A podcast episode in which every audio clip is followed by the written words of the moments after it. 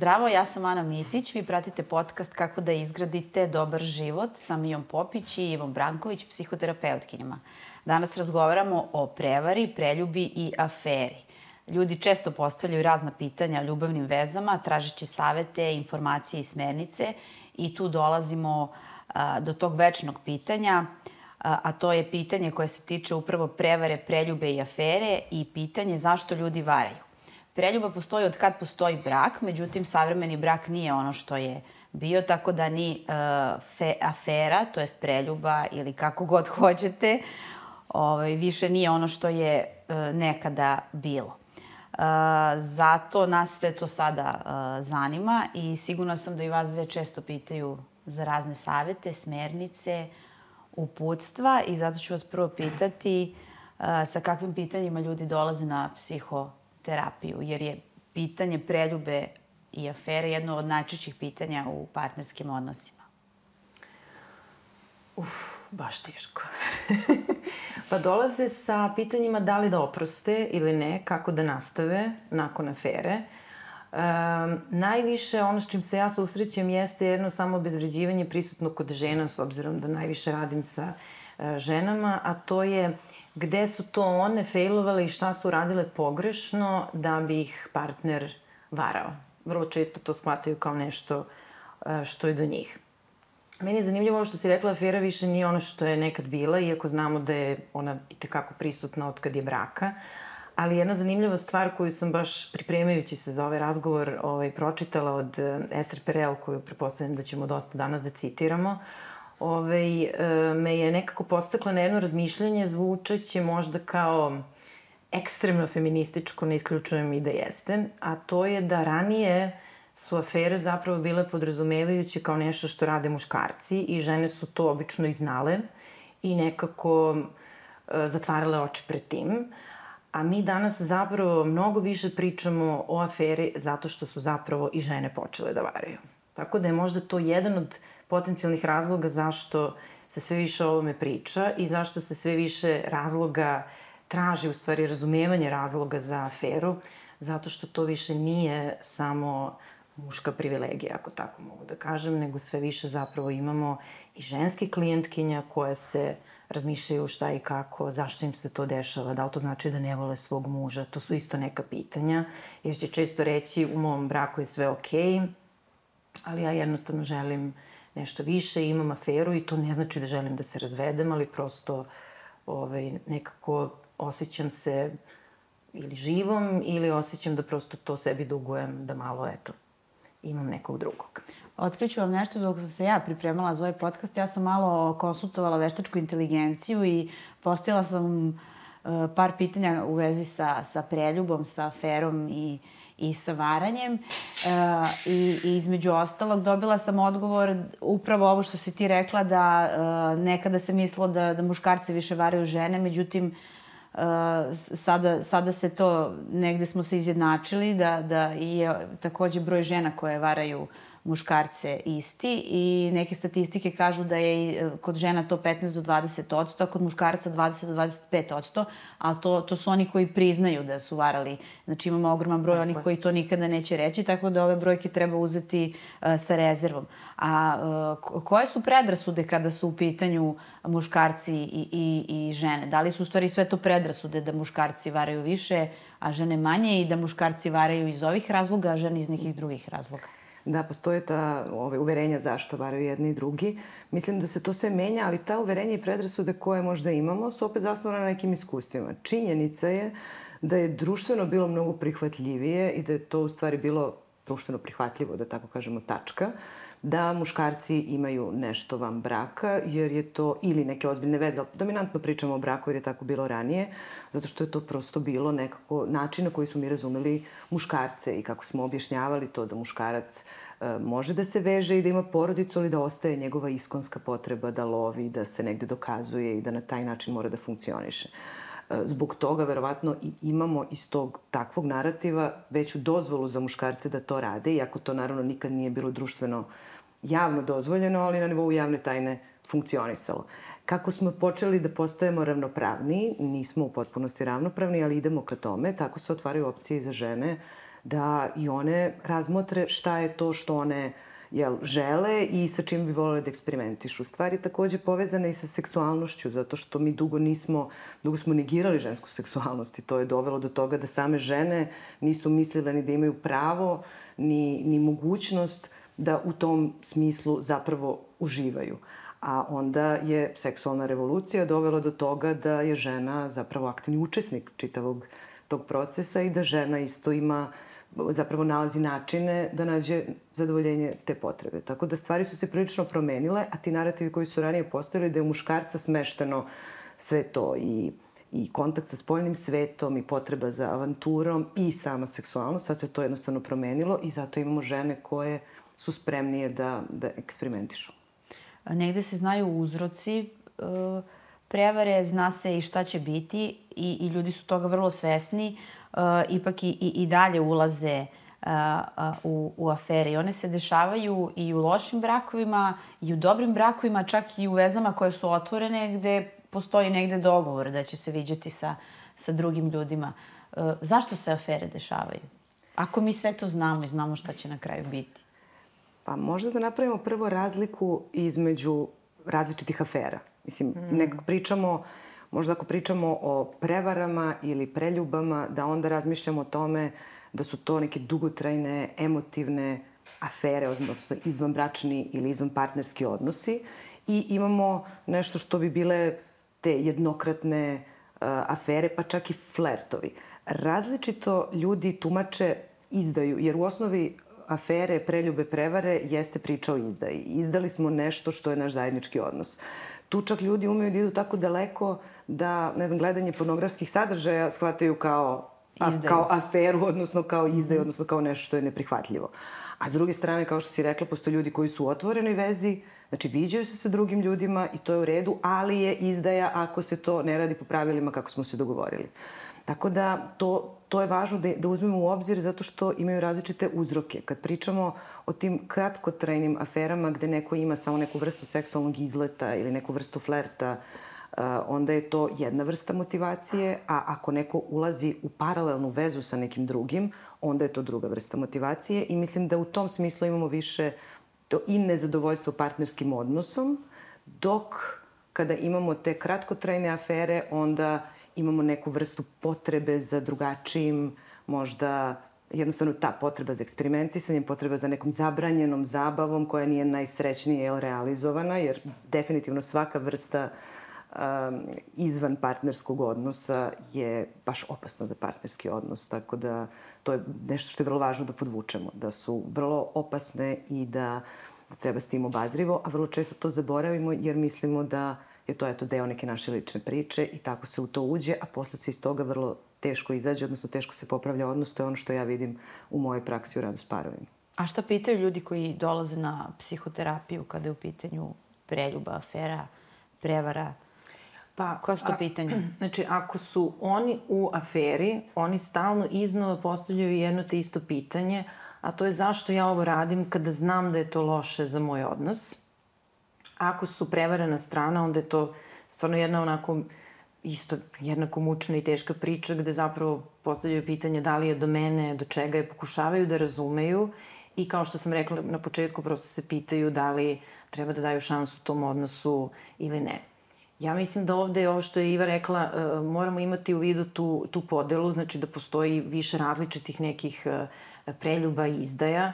Po nekoj statistici, ako bismo sve to stavili u isti koš, 40% ljudi u partnerskim odnosima varaju. U tom smislu da se možda dopisuju sa nekim ili da, ne znam, gledaju pornografski sadržaj, tako da e, ono što je fakat jeste da, da mnogi ljudi jesu tome skloni I ono što je mnogo važno da mi ovde nekako zajedno podvučemo jeste da kad pričamo o aferi, tretiramo je kao nešto što je e, Iva već podvukla, što je zaista ugrožavajuće po partnerski odnos, da ne ispadne sada da smo ono, što Ester Perel često dobije kao kritiku, da smo ono za afere. Da ali, da, ali takođe, znači ne opravdavamo ih, ali pokušavamo da razumemo čemu one služe, zašto se dešavaju baš sada, baš u tom kontekstu, e, zašto baš sa tom nekom osobom.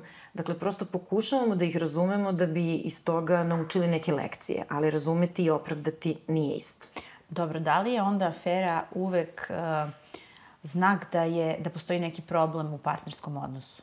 Pa zapravo nije, često jeste i tu postoji jedan efekt o kome sam ja čitala, mnogo mi se dopao baš u ovom članku koji si nam, ti poslala, efekat e, osvetljenja, gde kada imaš, pa sad ide priča pijanog čoveka koji traži ključeve po ulici, on će ih tražiti tamo gde je osvetljeno, a ne tamo gde ih izgubio. Znači mi ćemo da tražimo razloge tamo gde nam je najlakše da tražimo, a to je često u bračnom odnosu i nekako smo naučili da razmišljamo po tom principu da je afera simptom lošeg odnosa.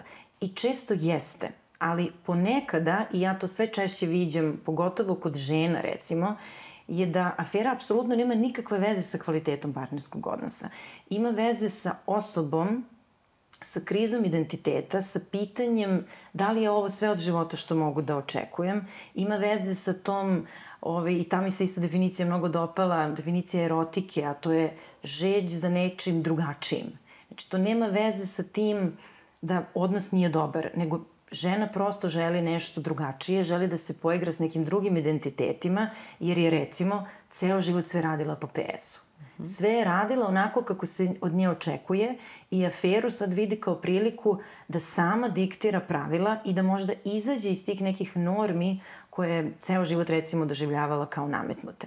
Tako da u nekim, možda verovatno ređim slučajevima, sad ne znam tu da li postoji neka statistika, za neke ljude afera je prosto način da ponovo upoznaju sebe, da, da se poigraju sa nekim drugačijim identitetima, da bolje upoznaju sebe i da onda zapravo vide ko su i šta su i šta žele da urade sa svojim brakom.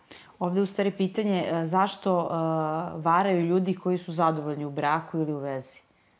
Šta? Da, ono to što se tu desi... sami to je... sebe pitaju, verovatno. Tako je, zato što prorađuju neke svoje sadržaje koje koje ne mogu da prorade u braku i to je ono gde postoji veza između toga da ipak afera se dešava onda kad odnos jeste narušen. Jer ukoliko mi imamo potrebu, ukoliko osoba ima potrebu da na nekom drugom mestu zadovolji sve te svoje potrebe za, za zabavom, za drugačijim, a nema komunikaciju sa partnerom o tome, onda to utiče na razdvajanje i na smanjivanje bliskosti u partnerskom odnosu.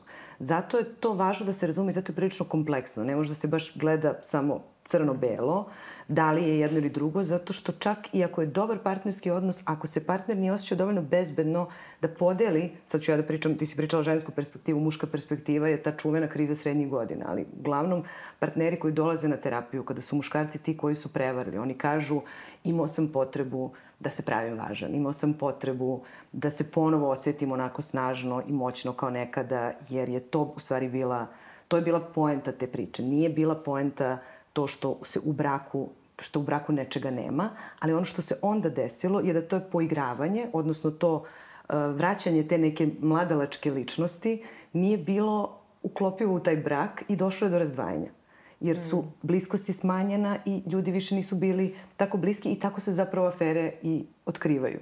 Zato što uvek drugi partner, vrlo često naravno, postoje i one afere koje se nikad ne otkriju gde ljudi zaista to pažljivo ovaj, skrivaju, uglavnom u dobrim brakovima se one i otkriju. Zato što druga strana oseti da je poverenje narušeno, da je bliskost narušena, da se taj neko drugi ponaša drugačije i, i onda se dešava ono što se dalje dešava, gledanje u telefonu, u e-mailu, ovo je ono i stvari izađu na, na videlo. Dobro, ali šta možeš da uradiš ako osetiš da ti se to dešava? Pa meni je mnogo zanimljivo ovo što je sad Iva rekla, vidiš, o tome uopšte nisam razmišljala, ali tamo gde jedan od partnera uh, provali aferu, to zapravo može da bude pokazatelj da je taj odnos kvalitetan i da oni jedno, da su oni nekako emotivno responsivni jedno na drugo, da primećuju promenu, da su zapravo negovali bliskost da, i da sad nešto je drugačije i ti prosto tu možeš da vidiš prijetnju. E sad, šta sa tim uraditi? E, ja nekako verujem da tu naravno treba pratiti te promene, a onda otvoreno pričati. Ono što se takođe desi i verovatno u nekim redkim slučajevima, ali je važno podvoći da se desi, jeste da upravo afera pokrene razgovor između partnera o emotivnoj povezanosti, o ranjivosti, o podrazumevanju, o tome da je život postao jedna vrsta uh, ponavljajućeg rituala. Znaš, kao u onoj pesmi od konstrakte idemo, skijamo, plivamo, sve radimo onako kao, kao da smo na nekoj traci. I tu se izgubila neka vrsta drugačijosti, neke, neke novine, nekog uzbuđenja. Tako da tamo gde je odnos bio kvalitetan, u smislu povezivanja i bliskosti, dok se afera ove nije desila, tu ima zaista potencijala da razgovor koji po, bude iniciran zato što se afera desila zapravo uh, odnos ponovo vrati na, na dobar neki put. -hmm. Iako ovo zvuči paradoksalno reći, naravno da mi ne preporučujemo je kao varite jedne druge da biste onda posle toga lepo o tome razgovarali i povezivali se, ali je fakat da se to nekada desi. Da, to se nekada desi i postoje te neke prilike i e, iskušenja. Prilike za varanje mogu se pojaviti u različitim okolnostima. Evo, pročitaću vam kao što su društvene interakcije, radno okruženje ili online platforme, kad se pojedinci nađu u situacijama u kojima je iskušenje veliko, a rizik od otkrivanja mali, oni mogu podleći iskušenju da varaju. To mi je rekla veštačka inteligencija. Dobro. I da li je nekada stvarno nemoguće odupreti se tom iskušenju? Pa to je sad baš teško pitanje. Kao bio sam pijan. Ili u što mnogi... Da, moguće. Pa verovatno je moguće, ali ja nisam, nisam dobi, dobijala takva obrazloženja, nego više e, da je postojala neka radoznalost, pa je to nekako spontano krenulo. Recimo, jedna stvar koja mi je vrlo interesantna je da mi ljudi povere u svojim, recimo, 40. 50. da se sete neke ljubavi od ne znam ni ja koliko pre, i onda krenu da, ono, googlaju, da vide gde, šta je, pa Znaš, da tako postoji neka radoznalost i da ljudi u stvari ni nemaju ideju u to da uđu, nego se to spontano desi. A ovo sad kao baš nisam se ono mogao odbraniti, mislim, ne znam. Ali to nisam se mogao odbraniti, priča o iskušenjima je priča onog prethodnog starog narativa zašto muškarci varaju. Da. Jer je to, prosto takve su bile okolnosti, to je bilo jače od mene. To da, su da, da. prosto argumenti koji... Da, da, to je taj biološki imperativ. To je taj biološki da. imperativ. Ako se prilika pojavila i ako je ako su se sve tu okolnosti sklopile, da ne znam, ona je bila tu, alkohol je bio tu, prosto je moralo to da se desi. Tako da, mislim da zato taj, to više ne mm. pije vodu na isti način, jer je zapravo da li ćemo da uđemo u aferu ili nećemo, stvar izbora. Ne nagona, mm -hmm. ne iskušenja. Mislim, jeste to jedan izbor, ali u smislu da li hoćemo ili nećemo da uradimo nešto. Uvek postoje prilike za različite stvari i mislim da postoje kod različitih ljudi, a da li će se to zapravo desiti je pitanje izbora koji se donosi u zavisnosti od različitih faktora. U kojoj je ta osoba u fazi, u trenutno u životu, kakav je partnerski odnos, kolike su šanse da se to sazna ili ne i kako generalno ta osoba ima stav prema tome. -hmm. Jer to je nešto što je mnogo važno. Kako mi uopšte razumemo partnerski odnos, eh, da li su ljudi suštinski monogamni ili nisu, eh, kakve to može posledice da ima, I onda, kada se svi ti faktori uzmu u obzir, onda se dešava. A ne zato što je neko iskušenje bilo preveliko jer je neko bio pijan, to... A šta ćemo sa tim vezama koje dugo traju ili brakovima koji su već ušli u rutinu, pa onda e, je jednom od partnera potrebno to nešto novo, zanimljivo, drugačije. Ovo što si ti rekla, sad imamo mm. društvene mreže, pa neki pro, počnu da tražete neke svoje partnere od pre 20-30 godina, jer im je prosto zanimljivo. Zanimljivo je, onda to odvede u, u nešto drugo. Šta vi kao psihoterapeuti savjetujete? Kako da, se, kako da se to spreči? Šta je alternativa za... Pa znaš šta, tu postoji zapravo jedna malo kompleksnija pozadina ovog pitanja, a to je koje potrebe zadovoljava jedan partnerski odnos. I te potrebe koje mi imamo u partnerskom odnosu su vrlo često um, kontradiktorne. To znači da mi u vezi želimo stabilnost, sigurnost, osjećaj da smo nekako prihvaćeni i da, smo, da imamo jednu vrstu stabilnosti i predvidivosti. Ali isto tako želimo uzbuđenje, želimo da stvari budu drugačije povremeno, da imamo e, neku vrstu novine, a to jedno drugo isključuje. I zapravo ono što je preporuka, psihoterapijska preporuka, i mislim to Ivan može mnogo više da kaže jer ona radi s parovima, jeste da prepoznaju te dve potrebe i da nekako traže načine kako da neguju tu neku novinu, recimo da jedno drugo vide u drugačijem kontekstu, da to često, mislim o tome sam baš čitala, Ester Perel to navodi kao divan primer, kada gledate svog supružnika u nekom potpuno drugačijem kontekstu pa ga vidite kao da ga čujete i vidite prvi put. I onda se podsjetite šta je to što vam se dopalo na početku.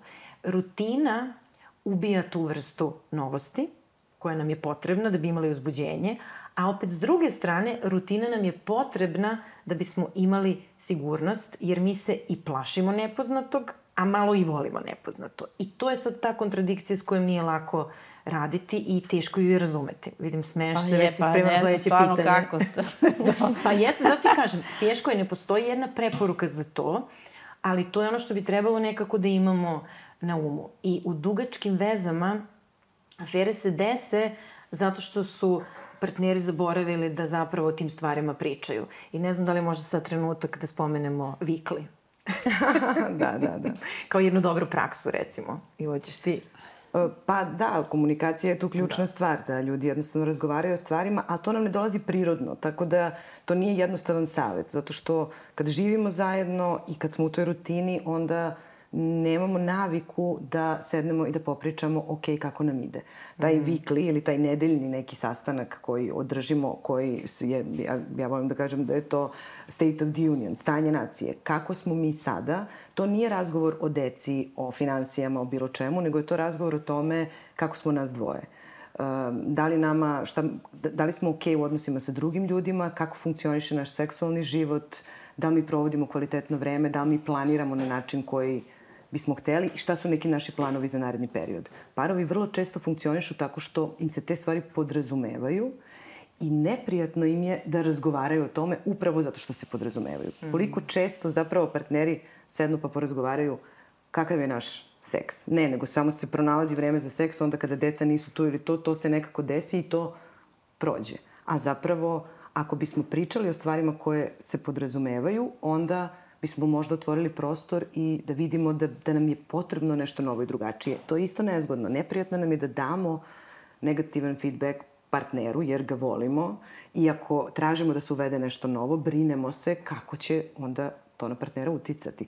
Ali tu treba imati u vidu jednu matematiku koja kaže bolje da rizikujemo sa tim da kažemo da nam nešto ne odgovara sada, nego da pravimo jaz koji će onda učiniti da to nešto tražimo na nekom drugom mestu. Tako da zapravo ljudsko ponašanje je tu vrlo funkcionalno, ali nekako kratkoročno, zato što ta neprijatnost od tog razgovora čini da mi onda dugoročno napravimo veću štetu. A ako bi se to uvelo i ako bi to parovi uvodili da se zapravo pozabave stanjem u svom odnosu u nekom periodu, sad da li nedeljno ili mesečno ili kako god, ja verujem da bi mnoge ove stvari mogle da se, da se preveniraju. A kako krećeš u taj razgovor? Pa evo ja razmišljam sad recimo ako bismo morali da damo neku preporuku, to je uh, vikli koji smo mi naučili od naše prijateljice, ona to već praktikuje i to lepo ide i čuli smo to i od nekih klijenata, prosto, znači, čitali su neku literaturu, videli da to radi, preporučili i sad mi evo pričamo o tome. Um, taj razgovor treba da se provuče kroz dva ključna kriterijuma koje se tiču ovih potreba koje sam spomenula. Da li se mi osjećamo sigurno i bezbedno u ovom našem odnosu i da li nam je zabavno. I jedno i drugo je jednako važno. Tako da, eto, možda ljudi probaju pa da nam pišu da vidimo da li radi. Da, šta ako neko dođe i kaže partneru, znaš šta ja razmišljam, da li da uđemo u aferu sa nekim drugim? Pa ja verujem da to baš ne bi tako neko izgovorio, ali bi mogao recimo da kaže ovaj, uh, meni bi trebalo neko uzbuđenje, meni treba nešto novo i nešto drugačije. Mm -hmm. A čak u onda u krajnjoj instanci i to. Eto, meni se dopao mi se neko, nešto, nešto, bi, nešto mi je tu zanimljivo, ja bi nešto tu drugačije i novo probao. Brakovi, kao što su i individue, brakovi i dugotreni odnosi su mnogo rezistentniji, mnogo su otporniji nego što mi mislimo.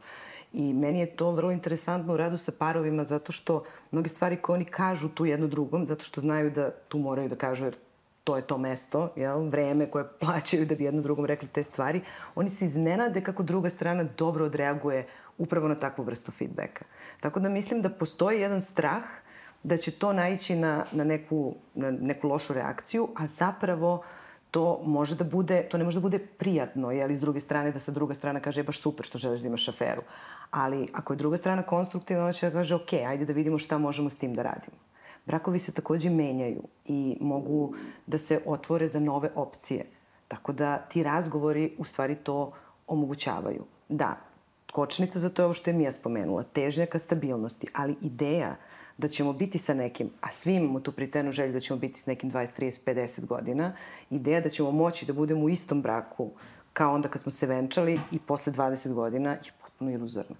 I onda u skladu s tim bi zaista trebalo da proveravamo kako se mi menjamo, kako se menja naš partner, kako se menja naš odnos i kako da učinimo da ostanemo bliski i da nam ostane zabavno. Jer ja duboko verujem da je to zaista moguće. Da, a zašto su afere tako privlačne da se i o njima priča? Postoji toliko filmova i serija o aferama i mi volimo i da slušamo kad nam neko pripričava neki trač. Šta je čuo ili kad nam drugarica priča da je bila sa nekim. Pa, znaš šta, ja mislim da je to interesantno zato što je generalno ta tema um, monogamije, poligamije je jedna vrlo uzbudljiva tema. I mi svi se stalno nešto pitamo da li to što sad imamo je da li je to ta prava stvar. Mislim, jedna stvar koju sam ja pročitala koja mi je tu nekako mnogo bila interesantna je da je afera, citiram, um, osveta prema svim propuštenim prilikama i svim neproživljenim verzijama sebe. I mi kad, kad pričamo o aferi, zašto je ona toliko interesantna? Zato što ti sad, ako si sa nekim, to znači verovatno da nisi s nekim drugim. A kako bi bilo sa tim nekim drugim? To nije samo pitanje kakav je taj neko drugi, nego kakav si ti, da li si ti drugačiji u tom nekom drugom odnosu. Tako da razgovor o aferi je zapravo za sve nas poigravanje sa nekim različitim opcijama. Znaš, kao onaj sliding door. Da nisam ovde, gde bi bila, da li bi mi bilo bolje, to je vezano i za jedan imperativ koji je sada u našoj kulturi vrlo onako izražen, a to je da su sreće, zadovoljstvo i ta neka ispunjenost postale ključne vrednosti. Ima tu i malo entitlementa. Znaš, kao ključna stvar u mom životu je da budem srećna i ispunjena i da mi sve bude fino, potaman. Ako mi ti to nećeš priuštiti, idem ja negde drugde. Ima i toga.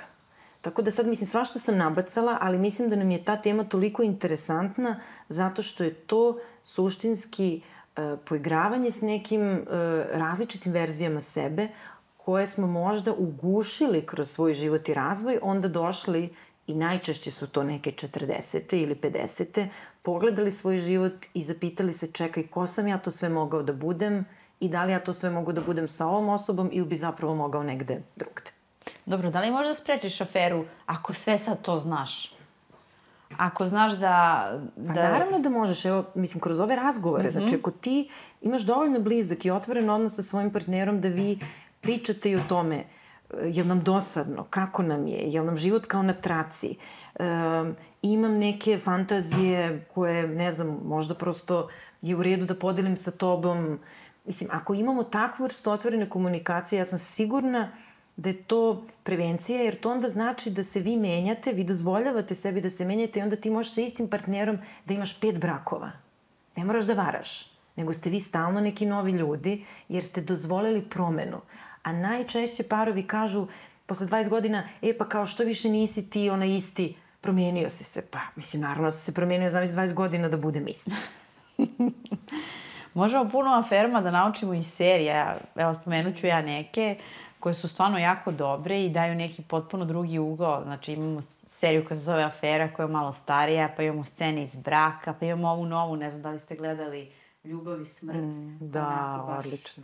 Baš opaka odlično. i ovaj, pričam sa jednim mojim drugom o, o, o, o aferama i on mi kaže, eto vidiš kao ove serije, pored nekih životnih iskustava koje je čuo od svojih prijatelja, ovaj, one uvek pokažu da se završi nekako loše. Uvek, kaže, bude a, pakleno a, na kraju. Međutim, da li mora uvek da se završi a, pakleno? Jer evo i recimo Ester Perel kaže da malo događa u životu bračnog para, osim bolesti i smrti, nosi tako razvornu snagu kao prevara. Da li mora uvek da bude tako grozno na kraju, kad se otkrije? Pa mora. mora, je. Mislim, mnogo je, uh, mnogo je važno da, da to razumemo. To jeste strašna povreda za, za odnos. Ne mora da bude katastrofalno, ali mora da bude loše. Um, loše je svakako onda kada se sazna i otkrije, A, a katastrofalno je onda kada je bilo dugotrajno, kada je zasnovano na puno laži, kada, mm -hmm. i kada je ishod takav da ta strana koja je bila u aferi to ne priznaje. Mislim da je to isto važno pitanje šta onda kad se desi afera. Jer od toga će zavisiti kakav će biti ishod u celoj priči. Um, mi možemo da, ako se afera dogodila i ako se to u partnerskom odnosu razmeni, prvi korak zapravo na, i, i zapravo uslov da, da radimo terapiju u tom smislu partnersku je da ta strana koja je to uradila da preuzme odgovornost i da, da kaže da se to dogodilo i da preuzme odgovornost za to što se dogodilo i onda mi radimo na tome da imamo jedno zajedničko razumevanje zašto se to desilo, pa onda ulazimo u sve ovo čemu smo pričale, da li je to zbog krize srednjih godina, traganja za drugim sobom ili kako već.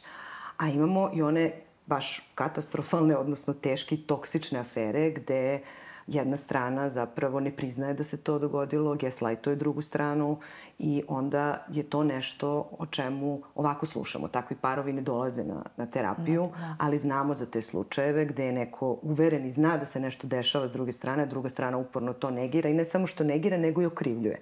I to je mm. isto jedna važna stvar koju treba spomenuti kako u tim toksičnim odnosima zapravo afera služi kao samo još jedan onako instrument i alat gde se ta strana koja je varana ili prevarena drži u poziciji nemoći, zbunjenosti i sluđenosti u krajem slučaju. I to su najteže priče i da, oni ne dođu na, tera na terapiju, dođu njihove žene, Tako. žene narcisa i stalno se vraćamo na, na narcise, koji baš koriste sve ovo što je uh, Iva rekla i dodatno, čak i ako priznaju, što je redkost, ako su recimo provaljeni, mada oni mogu da negiraju čak i dokaze, to je taj nivo gaslightinga, um, ali čak i ako dođu do toga da to se desilo, desilo se jer si ti kriva. Jer si me opteretila, jer si me zanemarila, jer nisi želela da imaš seks, jer stalno nešto zvocaš i kako ja uopšte da ono, budem ovde, srećen ja sam morao da se pobrinem za sebe negde drugde. I to je opet, vraćam se na ovaj biološki imperativ, koji je, mislim, dugo bio prisutan, sad se pomalo menja, ali je to taj, ono, e, kako bih rekla, muški entitlement. Ja prosto moram da se pobrinem za sebe negde drugde, ako si ti previše opterećujuća. I to su najteže priče zapravo. Zato što tu nema prilike da afera bude išta drugo da samo uh, jedno psihološko i dodaću fizičko urušavanje nečijeg ovaj, zdravlja. Tako da, da, to su baš najteže priče. Ali to uglavnom ide uh, sa muške strane. Pa, uglavnom da. To tako rade Bar muškarci. Ono što je, da. Mislim, ne bih da generalizujem, znači to ne rade Naravno, svi muškarci, ali... to rade muškarci koji imaju narcističke poremeće ličnosti, mm -hmm. koji prosto svoju ženu vide kao sredstvo zadovoljenja potreba. Iako ona ne igra tako kako je on zamislio, on ide negde drugde i nikada zapravo afera za njih nije ni prilika za razgovor. To je ovaj najbolji mogući scenariju koji je jednako bolan, Iva je rekla. Ovde nema uopšte prilike da se o tome priča. To je samo prilika da ti još dodatno shvatiš zašto nisi dovoljno dobra, a već si nekako naštelovana da tako razmišljaš u jednom toksičnom odnosu. Da, ovo pitam zbog toga što sam na početku postavila pitanje da li je predrasuda da žene varaju na jedan način, a muškarci na drugi način, da imaju različite motive i kako to rade. A to je bila ona predrasuda da žene varaju srcem, a muškarci mm -hmm. varaju nečim drugim. I da. to je vezano za ovaj biološki da. imperativ koji smo do sada imali. Sada se to negde promenilo. Um, ono što pretpostavljam da žene varaju manje iz, i dalje se to nije izjednačilo i ne može da se izjednači iz nekih praktičnih razloga kako funkcionišu brakovi, koliko ko ima vremena i koji rizici postoje, jel, kod tih afera kada su, kada su žene u pitanju, ali mislim da sada možemo da kažemo, bar iz onog iskustva jel, koje mi imamo u, u psihoterapiji, da su slični motivi zbog kojih ljudi varaju i to su ovi motivi koje smo navele. Znači, i neko nezadovoljstvo u partnerskom odnosu, ali i neka potreba uh, da se oprobamo u nekoj drugoj ulozi, budemo neko drugi i žena kada vara, ona je isto umorna od toga da bude ovaj, samo u kući majka i neko ko sređuje i ko brine o svemu, nego želi da bude ponovo fatalna, da bude slobodna, da je neko gleda ne kao ono što ona jeste u svojoj kući. I onda iz tog razloga će varati vrlo slično kao, kao i muškarac. Postoje i neki znaci kada se dešava, kad se desi prevara, preljub ili afera. Uh, i o tome mnogo ovaj, pričano. Da li postoje situacije kada apsolutno ovaj, ne, se ne vide ti znaci da se nešto desilo i da li to ima veze sa tim kakav je odnos? Jer ti si malo pre rekla da što su uh, ti partnerski odnosi bolji, uh, preće se provaliti da se desilo. Da, to je ovo što je Iva podvukla. Pa ja mislim da postoje i da zapravo postoje vrlo distancirani, otuđeni ovaj, bračni odnosi u kojima možda prećutno ili se uopšte o tome ni ne razmišlja, svaka strana ima neke paralelne odnose i da, to se ne sazna.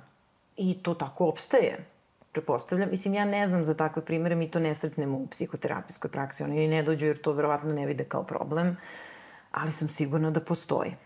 Ako imamo ovaj procenat afera koji si ti navela, znači naravno da, da mnogi ostanu neotkrivene. Meni je to isto interesantno, svi parovi koji dođu na terapiju, način na koji se to saznalo je prilično, prilično se lako saznalo. I onda ja uvek razmišljam o tome, ta strana koja je varala, kao da je htela da se sazna. Jer moglo je da se to ne sazna. Mogle su da se izbrišu poruke, moglo je da se nekako to spreči, ali mi se čini da je, makar na nekom nesvesnom nivou, postojala želja da se to sazna, bilo da se drugoj osobi skrene pažnja, bilo da se zaustavi to ponašanje, zato što, da, sigurna sam da, da je moguće odra, uraditi tako neke stvari da se ne sazna, ali onda kada se to malo otvori, onda to isto bude neka vrsta poziva u pomoć. Kao, po, probaj da me uhvatiš, probaj mm -hmm. da mhm. vidiš šta radim, jer je to možda način da se vratimo u odnos i da razgovaramo o tome, jer ti takvi parovi zapravo i dođu. Da, to, to je primer kada iz afere može da ispadne na kraju nešto Svakako. Dobro, da. kao neki pozov u pomoć da se neki problem... Pa jeste, mislim, to je sad prilično ekstremno, naravno, zato što je to veliki bol koji se nanosi drugoj strani, ali kažem, način na koji se to sazna je zaista vrlo jednostavan i banalan. Tako da je to uvek vrlo na, na jedan klik onako u telefonu, mm -hmm. što meni uvek bude zanimljivo kao ka, kako je to tu ostalo.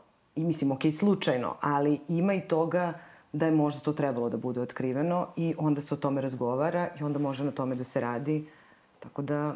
A kako se pristupa e, partneru u vezi sa sumnjom da, da vara ili da ima aferu? Da li me varaš i da li imaš aferu? da. Mislim da bi to bila prava rečenica. Našla sam ti poruke. Pa obično bude našla sam ti poruke. Možda da. bi bilo bolje sve ovo što je Mija pričala da pitamo kako si. Kako da. si, šta te muči, šta ti se dešava, da se malo pogledamo. Uh -huh. uh, afere se dešavaju onda kada smo se razdvojili, kada smo u svakodnevnim obavezama zaboravili da pogledamo jedno drugo i, i iz te neke ipak distanciranosti možemo da budemo okrenuti drugim ljudima. Mislim da uh, svi koji sumnjaju na, da se nešto dešava, neprijatno im je da o tome progovore. Možda ne bi bilo loše da prvo o tome progovore pre nego što posegnu za, za telefonima, mailovima mm. i tim stvarima. Jer ono što se vrlo često dešava da onda imaju grižu savesti yes, što su uopšte problem. posegnule za tim. Da. Mm. Za telefonom, za, za nečim drugim. A onda i se vrlo često na početku i bavimo nečim što zapravo nije tema, a to je kako si mogao to da uradiš, a onda on je kaže kako si mogla da da gledaš u moj telefon, što nije prestup istog nivoa i to vrlo brzo razrešimo, ali je jednostavno nešto što otežava komunikaciju u startu. Ali uglavnom je tako, a možda bi bilo bolje pre nego što posegnemo za telefonom da sednemo i da kažemo mnogo se brinem, nešto ozbiljno nije u redu, primećujem promene u tvom ponašanju, hajde da razgovaramo o tome i da vidimo šta se dešava. I to onda možda ima nade, ako se čak nešto i dešava, da to prestane i da se odnos vrati u, u normalu. Nije ni svaka vrsta iskrenosti neophodna. Vrlo često to ljudi kažu kao ja bi uvek rekao, ja bih sve priznao. Eh, ja sad opet da ne bude da propagiram eh, laganje ili ne govorenje istine, ali važno je biti nežan prema svom partneru. Ako afera ili nešto što se dogodilo nema veze zaista sa tom osobom, nego je deo tog nekog ličnog momenta, nema potrebe da se to zapravo i kaže. Nema potrebe da se o tome razgovara ako je lično iskustvo jer bi drugu stranu mnogo povredilo. Postoji sigurno način da se govori o toj nekoj krizi koju osoba prolazi bez da se ove, otkriva i ta, taj deo priče. Tako da mislim da je to nešto što je prilično važno jer je zaista mnogo bolno i zaista parovi vrlo teško izlaze iz toga jer nešto su bile dve osobe, sad je uvučena treća osoba, pokidano je poverenje, povređena je sueta, tu i ponos, tu, tu puno nekih nivoa ovaj, povreda iz kojih se vrlo, a već je odnos narušen. Tako da je baš, baš teško za, za popravljanje. Nije nemoguće, ali baš teško. Da, ima tu, ima tu još jedna pravilnost koju sam primetila, um, ne na nekom velikom uzorku, ali dovoljno da jeste možda ovaj, pravilnost, a to je da se afera često dešava nakon um, smrtnog gubitka nekoga od bliskih članova porodice ili prosto suočavanja sa smrtnošću u smislu bolesti. I mene je to mnogo zbunilo kada sam se sa tim susrela u psihoterapijskoj praksi, a onda mi je pomogao Irvin Jalom, psihijatar i njegove knjige, da razumem šta se tu zapravo desi. Uh, on je recimo opisivao ljude koji su oboleli od raka, kako su često na grupnim terapijama poveravali da su da im je libido nevrovatno porastao i da zapravo taj doživljaj e, smrtnosti i toga da ti je život oročen, zaista kod, nja, kod nas većina ljudi prosto stvara jednu ogromnu želju za životom, da i da ovo sad što imam, što mi je ostalo nekako iskoristim. Prepostavljam da je to ta veza, tanatost, mm. jeros i, i ta neka uvezanost. I onda često to može da bude rezultat suočavanja sa gubitkom, može da bude i bežanje u neku strast da se ne bi, eh, da ne bi proradili patnju i tugu. Sad, razne su stvari u priči, ali to su te afere koje često nemaju veze sa supružnikom, i koje moraju da se prorade kroz ličnu psihoterapiju, da se iz njih izađe u nekom trenutku, a da se proradi ta tema koja je zapravo postakla osobu da uđe u aferu. I to je ovo što Iva rekla, nisu sve afere one koje zapravo mislim, treba priznati ili koje nužno treba razotkriti. Nekada su to e, priče o nekoj ličnoj transformaciji i promeni koje treba da se prorade na psihoterapiji i da se onda prosto iz toga izađe i da se da šansa odnosu u kome smo. Pa u seriji Afera žena ulazi u aferu posle gubitka tako deteta, je, tako, tako počinje je, jest, jest. ta serija koja jest. je baš onako dobra da se jako razume. Dobra, da. Da se razumeju različiti razlozi iz kojih ljudi ulaze uh, u afere. Uh, da li afera može da se racionalizuje? Puno ste vi već rekli o tome, mislim na to da se objasni uh, da ne bude ono da se uvek smejemo na, na, to, na te razloge kada nam neko priča zašto se to desilo, ono kao ma da ili... Znači, da, da li uvek može da se nađe kad se zagrebe uh, zašto se to u stvari desilo? Pa ja verujem da gotovo uvek postoji razlog i mnogi od njih smo mi danas ovde nekako da. podvukli. Ponekada nema razloga, nekada je to samo prosto doživljaj da imam ultimativno pravo da idem da radim šta god hoću, onda je i to isto informacija s kim imamo posla. Uh, one, znači njih, afere možemo da pokušamo da razumemo, da shvatimo šta je u osnovi motiv, ali rekla bih da nikad ne bi trebalo da ih opravdamo. Nego da ih, ako su se već desile, razumemo da bi videli šta sa tim. Da, šta dalje. Uh, ima neki koji su sasvim sigurni da će ih partner uhvatiti uh, u, u aferi. Uh, međutim, ima ljudi koji su prilično uh, opušteni i reći će vam, pa dobro, kao, to svakome može da se desi. Pa može da se desi i meni. U čemu je razlika između takvih razmišljenja? Hmm. Pa, ja mislim da je u, u tome kakav odnos imamo prema tome kakav smo, šta smo videli u nekim svojim porodicama porekla, kako doživljavamo, kako smo onda konstruisali priču o partnerskom odnosu i, i kakav smo na kraju krajeva odnos izgradili. Mislim da je to vrlo uh, onako specifično za svaki Zapravo, neke stvari su opšte, to ta ideja da li to meni može da se desi. Ako sam te dobro razumela, da li neko mene može da prevari ili uh, da li ću ja nekog da prevarim, Pa onda to je prva ideja koju, sa kojom krećemo, koliko imamo taj neki sumnjičav ili pozitivni mindset i kako razumemo sad, ne znam, drugi pol ako smo u vezi sa nekim koji je drugog pola. A s druge strane, šta osjećamo u toj nekoj konkretnoj vezi, koliko se osjećamo sigurno i bezbedno i eto, s kim imamo posla, pa u odnosu na to da li možemo ili ne da se to što kažeš opustimo. Mislim da isto tako i ljudi koji ulaze u afere, u zavisnosti od toga s kim su u vezi, se različito ponašaju pa neko zna da ima ne, s druge strane nekog ko ga će on ga možda kontrolisati pa će da skrije. A to je isto sve relacijona stvar. Mislim, u, u zavisnosti od toga s kim su u odnosu, tako se ponašamo i u odnosu na, na afere i, i to je nešto što se kreira u, u odnosu na taj način. A zaista mislim da to, da li ćemo biti otkriveni ili ne, nije ključni faktor. Kao što sam rekla, mislim da je ključni faktor to kakav da ima više faktora u stvari, pa se onda to bude jedan od tih faktora, da li to može da se sazna ili ne i da li mi želimo da se sazna ili ne, jer nekad zaista je odnos toliko narušen da neko ima aferu, a onda želi da ova druga osoba sazna zato što se zaista osjeća zapostavljeno, neviđeno, nevoljeno i onda želi da na taj način ima jednu vrstu e, osvete.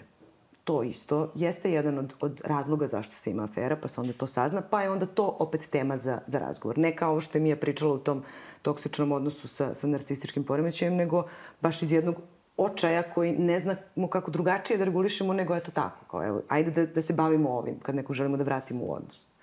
I to može da, da ovo je zanimljiva afera iz osvete. Šta su razlozi za, za osvetu kroz aferu? Pa ja mislim jedno uporno komuniciranje nečega gde ne ilazimo na zid. Uh, a to je želja da, ovo što isto rekla Iva, da budemo viđeni, primećeni, da radimo neke zajedničke stvari, da se zabavljamo i onda kada vidimo da druga osoba nije responsivna na to, onda osveta potencijalno može da bude taj krajnji način da nekoga prodrmamo, da, da shvati da se mi ne podrazumevamo. Postavljam da, da je to. To, to imamo u ovoj seriji, tako počinje, ljubav i, ljubav i smrt. smrt. Tako je. Ona da. pokušava da. da komunicira sa svojim mužem, ne uspeva da dopre do njega i onda rešava da to uradi ne, na drugom mestu, a to što radi sa nekim ko je tako u bliskom tom kontekstu ima element osvete. Mm -hmm. Jer je to kao, evo vidi šta ja radim. Ona mu to ne govori, jer je za to vreme, mada nam ta serija pokazuje da ni za to vreme afere nisu bile ništa. Bile su takođe tu, čak su ljudi mogli da pređu preko njih, čak i preko afera koje žene imaju sa... Da, da. to su neke 80. Da, to je mnogo zanimljivo. To je, da. da. To je po istinitom događaju. Jest, tako jest. je. Tako da, ali je, ali je to to. Ako radim nešto jer ne znam kako da doprem do tebe i na taj način se sobstvena nekako ta frustracija umanjuje i, i doživljava se neki osjećaj kontrole. A to je naravno privid, ali je razumljivo. Nije opravdano, ali razumljivo. A u toj seriji je recimo zanimljivo da oni čak ni nemaju toliko seks koliko razgovaraju. Mm. I tu zapravo vidiš da u nekim slučajevima afera stvarno jeste simptom nezadovoljenih potreba u bračnom odnosu. Jer ono što je ona zapravo tu želela jeste Uh, I mislim da je baš bila i tako neka scena gde ona pokušala sa svojim mužem da razgovara o nekim random stvarima, a on jednostavno ona nije, nije Da, on gleda TV i uopšte ne konstatuje. I kad u jednoj da. sceni da. ona njemu isključi TV i kao hoće da priča, Jest. on kao šta ti je, Jest. kao šta, šta mi gasiš TV. Da. Svaka afera je u suštini odnos. Mi, da. to, to isto je deo tog opet starog muškog narativa, to je bio samo seks baš se redko dešava da ljudi imaju samo isključivo seks. I seks je odnos i kontakt između dvoje ljudi. I on, ako traje kroz vreme, podrazumeva neku vrstu dodatne interakcije i neku vrstu povezivanja. Tako da i ta isto podela koja se meni čini tako veštački, kao to ništa nije značilo, to je bilo samo seks, a s druge strane neka emotivna afera, to je ono što se vezuje za žene, pošto je žene varaju srcem. Mm svi ti stereotipi. Mislim da to su sve prosto načini kako smo mi do sada pokušavali ovo da objasnimo. A to što imamo ovoliko ovih serija je meni dobar indikator zato što smo mi počeli da pričamo o tome. Mm. I I to je nešto što je, mislim, važno, zato što ne znači da mi više varamo ili da hoćemo da opravdamo to, nego da razumemo da bismo mogli bolje da budemo u partnerskim odnosima.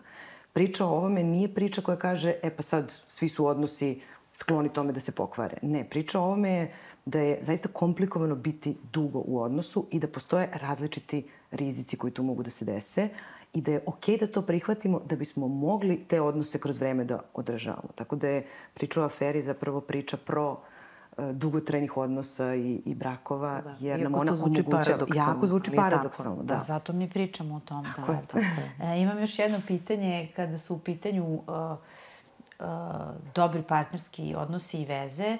Uh, pročitala sam da dobar brak uopšte nije garancija da se neće desiti afera i da i ljudi koji su u srećnim i dobrim brakovima vezama takođe varaju, to smo već spomenuli. Postavili smo pitanje zašto, ali je sad pitanje da li, e, to ljudi postavljaju sebi kao pitanje, da li je moguće da ja volim dve osobe u isto vreme. Da želim da budem i sa jednom i sa drugom, jer kao meni je okej okay u braku sa tom osobom, ali ja želim da budem sa još jednom osobom. Znaš šta? Ja sam malo tradicionalna za ovo pitanje, moram reći. Znači, prebacaš lopticu na Ivo. Ona je još više po tom pitanju. ali, ali imam, imam da, da, da dodam tu nešto, da. Uh, to je pitanje različitih potreba. priča o ljubavi nas previše um, ograničava. Zato što to, ja verujem da je zaljubljenost, a onda i ljubav prilično ekskluzivna stvar. I mi to o tome često pričamo, mm. zato mislimo da smo tradicionalne, ali opet postoji neki drugi autori koji se isto sa tim slažu.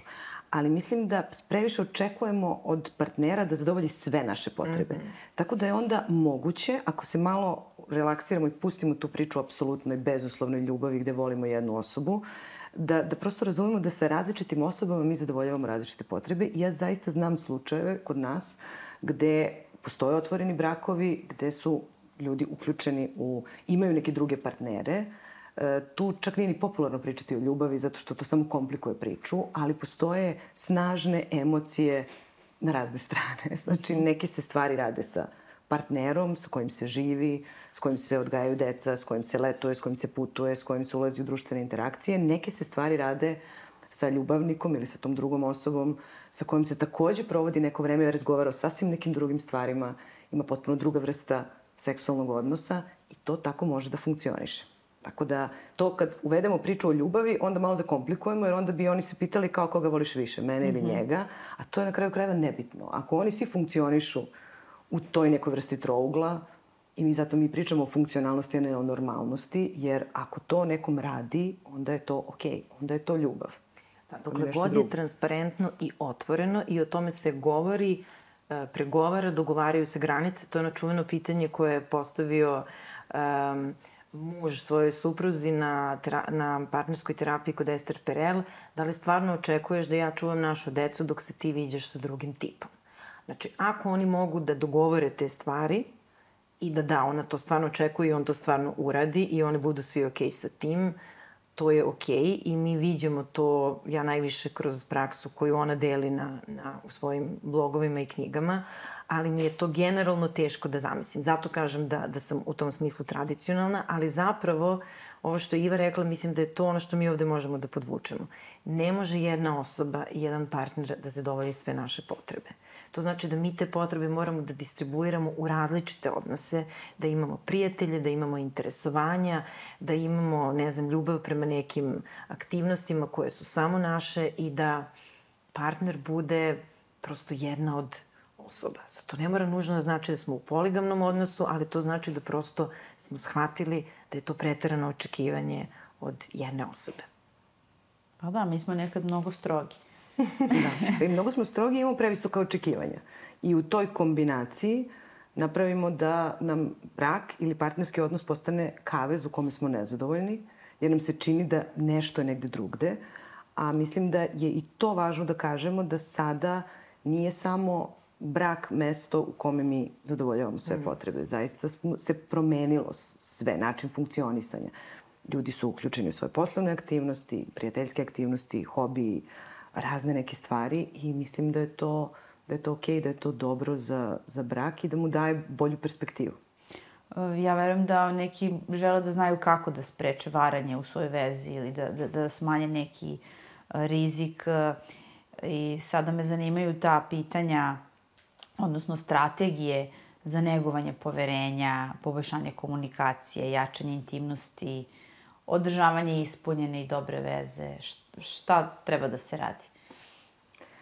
Uh, neke osnovne stvari koje smo nekad radili kad smo se upoznavali, a onda smo posle zaboravili. A šta radimo kada se upoznajemo sa nekim? Pitamo, slušamo, želimo da saznamo šta se dešava sa njegovim unutrašnjim svetom. John Gottman, jedan od kraljeva partnerske terapije, on uh, ima jedan upitnik, odnosno način uh, set pitanja koji se zove ljubavna mapa, recimo, koji podrazumeva da parovi postavljaju jedni drugima, jedno drugom ona neka osnovna pitanja koja su postavljene na početku, a koje više ne postavljaju ako su 20 godina zajedno. Pa je to, to pitanje da se zapitamo da li znamo ko je trenutno na poslu najveći problem našeg partnera, koje su aspiracije našeg partnera, šta on zapravo želi i kako vidi svoj život za pet godina. Od tih malih stvari do nekih velikih stvari, jer nedovoljno komuniciramo i ne, nemamo način, pa i iz prošlosti, jer i o prošlosti prestanemo da pričamo, jer je prošlost sad vrlo daleko, ali i prošlost, da li znamo uh, ključne stvari iz odrastanja naših partnera. Ljudi imaju neverovatno bogate živote i istorije. Mi se upoznajemo ne svi naravno, ali to je rizik sa odnosima koji posle budu u riziku da, da afere dođu, što mi upoznavanje završimo do venčanja. I onda kažemo, e, okay, sad smo zajedno i sad je to to. I sad samo guramo, usput se upoznajemo u tim nekim situacijama, ali zaboravimo da, da se i dalje pitamo. I šta imaš da mi kažeš o sebi od pre i šta imaš da mi kažeš o svojim strahovima, nadanjima, problemima danas i kako vidiš našu priču u perspektivi. I mislim da je to nešto što, što je onako mala stvar, zaboravljaju je ljudi, a ako bi se samo podsjetili, ako bi uveli, ja samo parovima kad kažem kad ste poslednji put bili na dejtu, na sastanku, da vas dvoje izađete i dojete na večeru, da se sredite i, i to uradite, oni gledaju. Šta je to? Šta je to? Mm. Ali mi svako veče sednemo i pustimo Netflix. Mi smo stalno zajedno. Pa da, se gledate, da se pitate, pa mi komuniciramo, ne znam, uspod dok spremamo doručak, pa nešto kažemo, pa to. I to je sve u redu, to je deo rutine, ali jednom mesečno jednom nedeljno da. idealno A to ona fora kao treba zakazati to, kao Tako je, pa treba da. zakazati viđenje. Vidim kako si skeptična, zato što ima puno obaveza u ne, životu. Ne, čula sam za to, čula sam za to da kao, da je to jedan od načina. A kao... to, to, je, to stvarno pravi razliku. Zato što to, zapravo... to stvarno menja fokus. Mislim, to, to je u svim odnosima. Pa evo, mi radimo zajedno i stalno se viđamo, ali moramo ponekad da, da sednemo i da porazgovaramo. Jer usput sve te interakcije, relacije nisu dovoljne. Zato što ipak se malo zapostavimo. Moramo da sednemo, da se gledamo, da se slušamo i onda ima nade da, da se zajedno menjamo i da trajemo. Če ako bi postojile dve reče za to, to je ostanite radoznali. Mm. Jer osoba preko puta vas nije neko koga ste vi skroz upoznali. To je mnogo važno razumeti. Da se ljudi, mi i naši partneri, mi se menjamo i uvek ima nešto što još može da se upozna ako smo radoznali. A to nešto novo ne možemo da upoznamo u settingu koji nam je poznat. A to je na kauču da gledamo Netflix.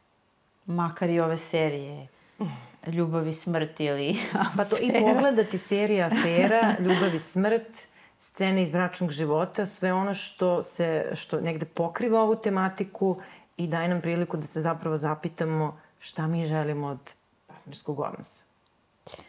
Sad bih da se malo bavimo šta posle toga, šta posla afere ili prevare i ljudi koji su iskusili neverstvo vam sigurno dolaze sa pitanjima šta ja sada da radim uh, dalje i kako da se nose sa tim uh, bolom i problemima poverenja i osjećanjem izdaje? Pa, uh, kao što sam rekla, ono sa čim se ja najviše susrećem, a svakako nije jedino, to je pitanje da li sam ja kriva za aferu. I ono što je često za, za mnoge ove osobe nekako ohrabrujuće da razumeju da se ta afera nije desila zbog njih, zato što su oni nešto uradili ili ne, možda baš zato što ta osoba sebe istražuje i prosto ima neku krizu identiteta i da to nužno nema veze sa osobom koja je prevarena. Najviše na tome radim i to je jedna vrlo specifična patnja s kojom se susrećem. Znači, to zahteva jedan proces da razumemo šta nam se desilo, i da nije do nas. Nekada i jeste do nas, to je dosta teže, razumeti i preuzeti odgovornost na koji način smo zapostavili odnos i onda videti kako tu lekciju možemo da ponesemo sa sobom. A kada je do nas? Kad se zapostavi odnos? Tako je. Kada smo zajedno učestvovali u tome da nam se stvari počnu podrazumevati i onda to jeste dobrim delom i do nas. I ono što je jedan, isto možda manji segment, to je kada zapravo dođe do razvoda. Gde je afera ubila to nešto što je ostalo od odnosa i onda se tu sve mora pokrenuti. To, je, to sad više nije tematika samo afere, nego kompletnog odnosa i razumevanja šta smo mi tu ono, radili, kako je sve to izgledalo, šta iz svega toga možemo da naučimo da nekako retroaktivno razumemo u kakvom smo odnosu bili. Jer e, mnoge žene s kojima sam imala priliku na ovu temu da razgovaram su često bile u šoku. Kako se meni ovo desilo? Tako da je i to isto jedna od tema. A zašto su bile u šoku? Šta to, šta to tebi govori? Da nisu dovoljno... E, mislim da ono što se tu desilo Pazila, jeste je. da je na, narušen taj jedan idealistički scenario sa kojim mi svi uđemo u, u brak, a to je da će to biti ono happily ever after i da onda, znači, afera kao jedna vrsta izdaje, pa onda razvod kao jedan način da se stavi tačka na sve to, prosto menja način kako mi doživljavamo sebe i vrlo utiče na sliku koju imamo o sebi i onda je to često tema. Da, kako se, u slučaju kad se ne završi razvodom, kako se ponovo gradi poverenje To ti je pitanje za Ivu, ona radi s parovima. Kako se ponovo gradi poverenje između partnera posle preljube, prevare ili afere? A, pa Kada polako, se otkrije? Polako, polako se radi na tome. Prvi korak je da zajedno um, razumemo celu tu priču, odnosno da oni zajedno razumeju priču, upravo što je Mija rekla, da vide zašto se to dogodilo, da ne ostanu zaglavljeni u tim različitim pričama, jer se to vrlo često desi. Jedna osoba je to u, imala aferu iz nekih svojih razloga, druga osoba smatra da je ona kriva, odgovorna jer je nepoželjna, ima neke svoje neke objašnjenja. I taj proces prilično dugo traje, zato što kad smo tako ostrašćeni, kad su jake emocije, vrlo često ostanemo zaglavljeni u, u tim uverenjima. Tako da je prvi korak da razumemo šta se desilo. To je takođe važno zato što uh, ljudi imaju tu potrebu da, da znaju šta se desilo i zato je to dobro da se uradi u, u terapijskom kontekstu, jer onda mi možemo da kontrolišemo terapeuti do kog nivoa detalja se tu ide, zato što tu ima vrlo nekih povredljivih stvari koje neko može da sazna, delikatnih ili ovakvih i onakvih. Znači, prvo radimo na tome da zajedno opričamo priču, da vidimo šta se desilo, da imamo zajedničko razumevanje, da se stalno ne bi vraćali na to. A onda se radi na tome kad već imamo razumevanje šta se desilo i onda idemo na to zašto se desilo, koji su razlozi do toga doveli. I tu je mnogo važno da osoba koja je, naprav, koja je to uradila, koja je imala prevaru, da, preljubu da zaista iskreno priča o svemu tome. To se sve oseti, to, to je sve vrlo jednostavno. Mislim, jednostavno, nije jednostavno, ali u tom settingu jeste.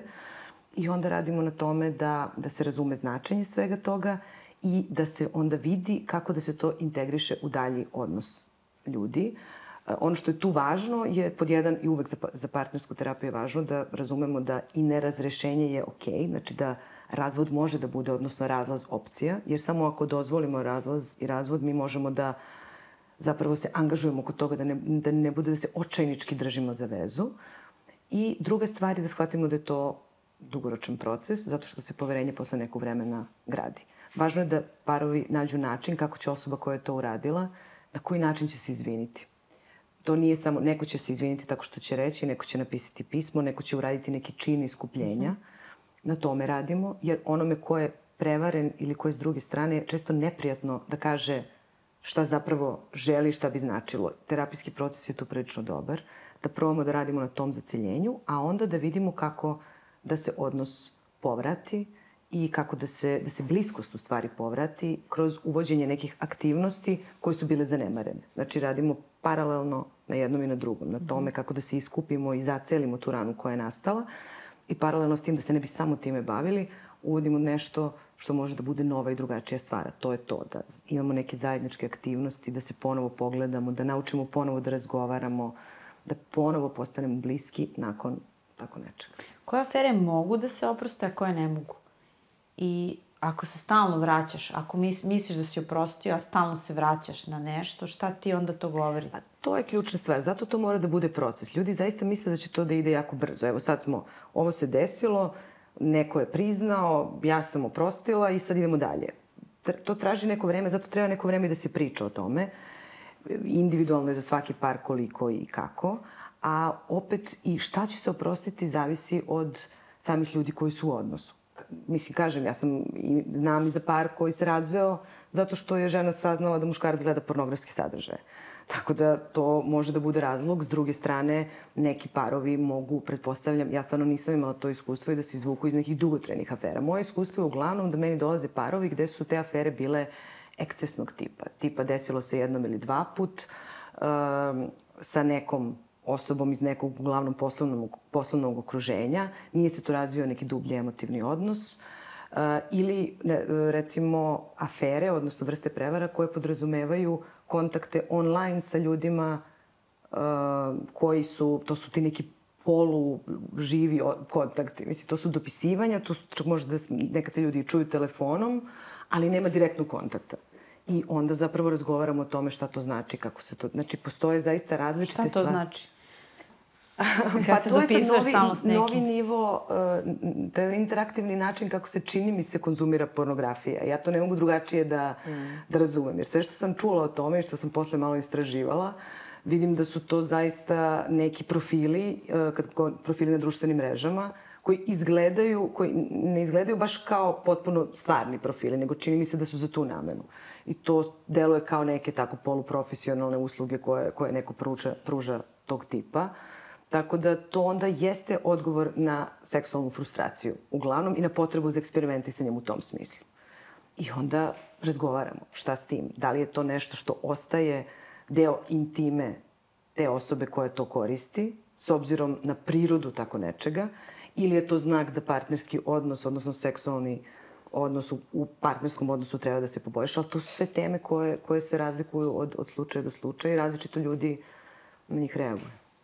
Rekla sam već da sam konsultovala veštačku inteligenciju, čak sam probala negde da zakažem dejt, međutim veštačka inteligencija je onako prilično moralna, uh, ne bi da ulazi ni u kakvu aferu. Ponudila sam da se nađemo posle posla Odbila na pić. Da, odbila. GPT nije htio da bude tvoj dečko. Ne.